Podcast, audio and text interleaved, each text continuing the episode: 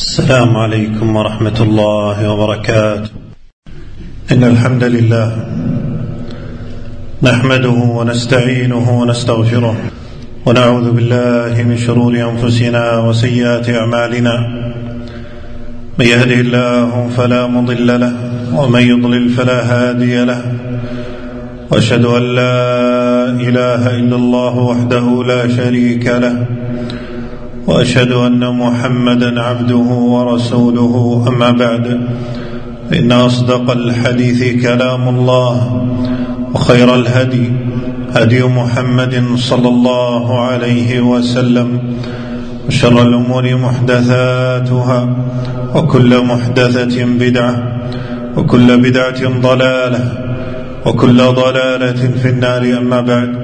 عباد الله لقد حذرنا الله تبارك وتعالى في كتابه ونبينا صلى الله عليه وسلم في سنته من أن نكون من أقوام لا ينظر الله إليهم يوم القيامة ولا يزكيهم ولا يطهرهم ولهم عذاب أليم.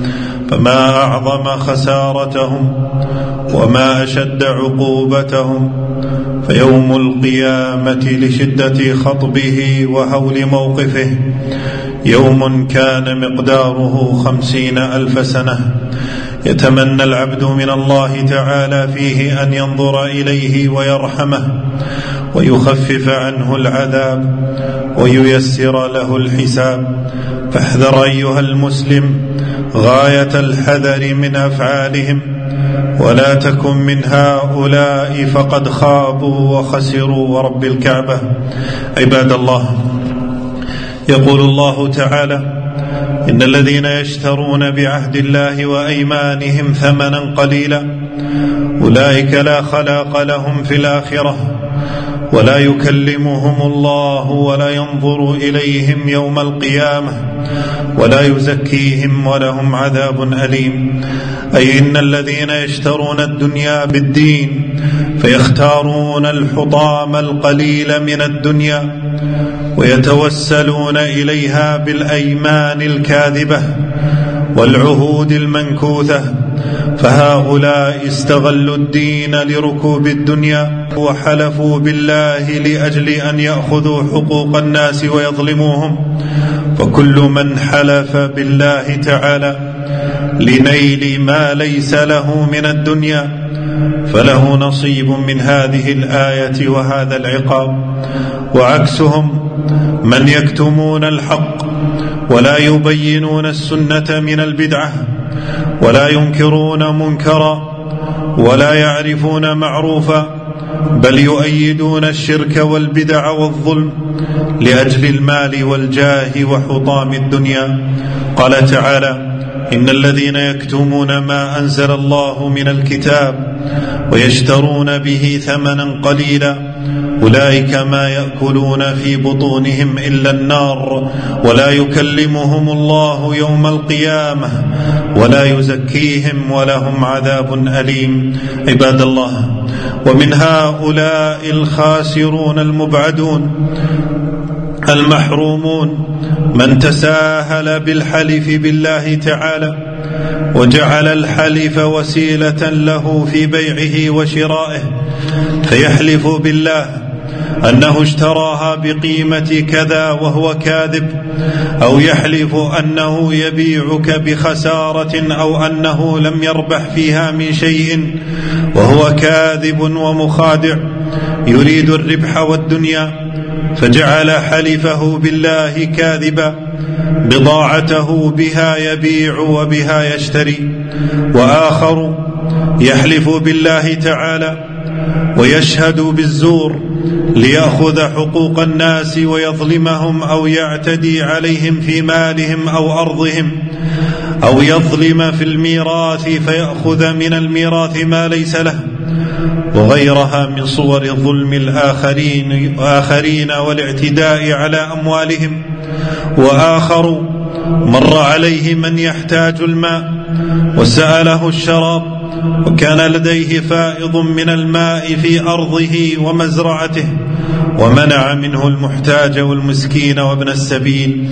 فعن أبي هريرة رضي الله عنه عن النبي صلى الله عليه وسلم قال ثلاثة لا يكلمهم الله يوم القيامة ولا ينظر إليهم رجل حلف على سلعة لقد أعطى بها أكثر مما أعطى وهو كاذب ورجل حلف على يمين كاذبة بعد العصر ليقتطع بها مال رجل مسلم ورجل منع فضل ماء فيقول الله اليوم أمنعك فضلي كما منعت فضل ما لم تعمل يداك رواه البخاري ومنهم عباد الله من إذا أعطي من الدنيا بايع إمامه وولي أمره وأطاعه وإذا ولاه المناصب مدحه وإذا قصر ولي الأمر في حقه أو لم يعطه ما أعطى غيره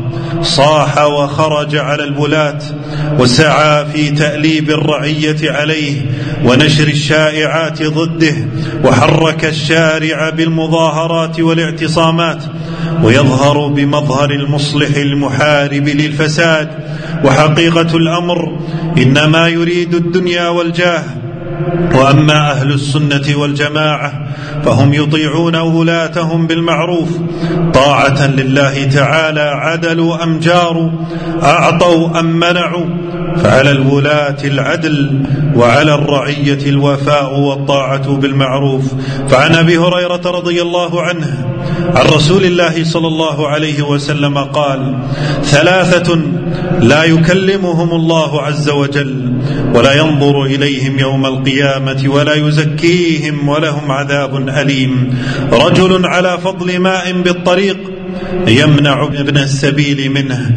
ورجل بايع إماما لدنيا إن أعطاه ما يريد وفى له وإن لم يعطه لم يف له.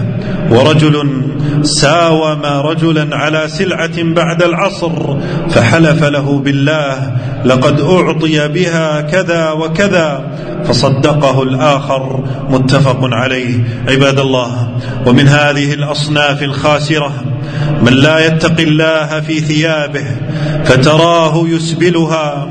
ولا يرفعها فوق الكعبين ما الذي يضرك يا عبد الله أن تجعل ثوبك فوق كعبيك ولو قليلا فهو أنقى لثوبك وأتقى لربك ومنهم من إذا أعطى من على عباد الله بعطائه وإحسانه فلا يترك مجلسا إلا قال أعطيت فلان وعملت لفلان وشفعت لفلان الخير يا عباد الله اكتمه لتجعله خالصا لوجه الله الكريم فتنال ثوابه كاملا فإن المن بالعطاء يحبط الأجر والثواب.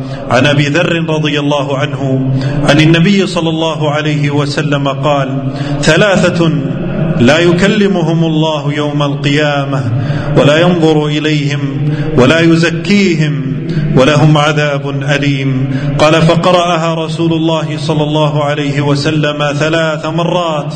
قال أبو ذر خابوا وخسروا من هم يا رسول الله؟ قال المسبل والمنان والمنفق سلعته بالحلف الكاذب.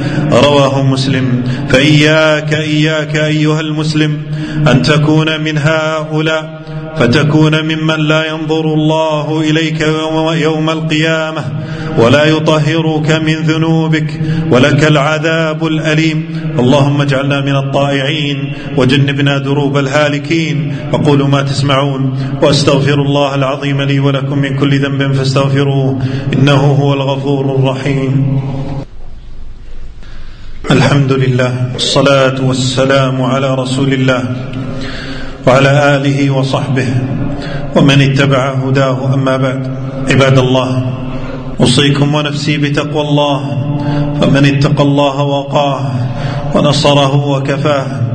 عباد الله كلما قل الدافع إلى ارتكاب المعاصي فتساهل العبد في ركوبها. كلما كان إثمه أعظم وجرمه أكبر فالشيخ أي الكبير في السن قل داعي الشهوة عنده ثم يركب أمواج الشهوات. ويرتكب الزنا والفواحش عافانا الله وإياكم فإن إثمه أعظم أعظم من غيره والملك الذي كل الرعية دونه وتحت إمرته ثم تراه يكذب عليهم والفقير الذي لا يملك دواعي التكبر ثم تراه متكبرا على المسلمين في لباسه وكلامه وأفعاله كل هؤلاء قل داعي المعصية عندهم ومع هذا يفعلونها فإثمهم أعظم من غيرهم. فعن أبي هريرة رضي الله عنه قال قال رسول الله صلى الله عليه وسلم ثلاثة لا يكلمهم الله يوم القيامة ولا يزكيهم ولا ينظر إليهم ولهم عذاب أليم. شيخ زان وملك كذاب وعائل مستكبر أي فقير مستكبر. رواه مسلم واحذر من عقوق الوالدين ومن التشبه بالنساء أو تشبه المرأة بالرجال. وحافظ على عرضك ولا ترضى بالسوء على أهلك وبيتك. وإياك وإدمان الخمر والمسكرات والمخدرات. حتى تسلم من الدخول في سلك هؤلاء الخاسرين. فعن ابن عمر رضي الله عنهما قال قال رسول الله صلى الله عليه وسلم ثلاث لا يدخلون الجنة ولا ينظر الله إليهم يوم القيامة. العاق لوالديه والمرأة المترجلة المتشبهة بالرجال والديوث وثلاثة لا ينظر الله إليهم يوم القيامة العاق والديه والمدمن الخمر والمنان بما أعطى. رواه أحمد والنسائي وصححه الألباني. اللهم إنا نسألك العفو والعافية في الدنيا والآخرة. ربنا آتنا في الدنيا حسنة وفي الآخرة حسنة وقنا عذاب النار. اللهم اغفر للمؤمنين والمؤمنات والمسلمين والمسلمات الأحياء منهم والأموات. ربنا اغفر لنا ولوالدينا وصلى الله وسلم وبارك على نبينا محمد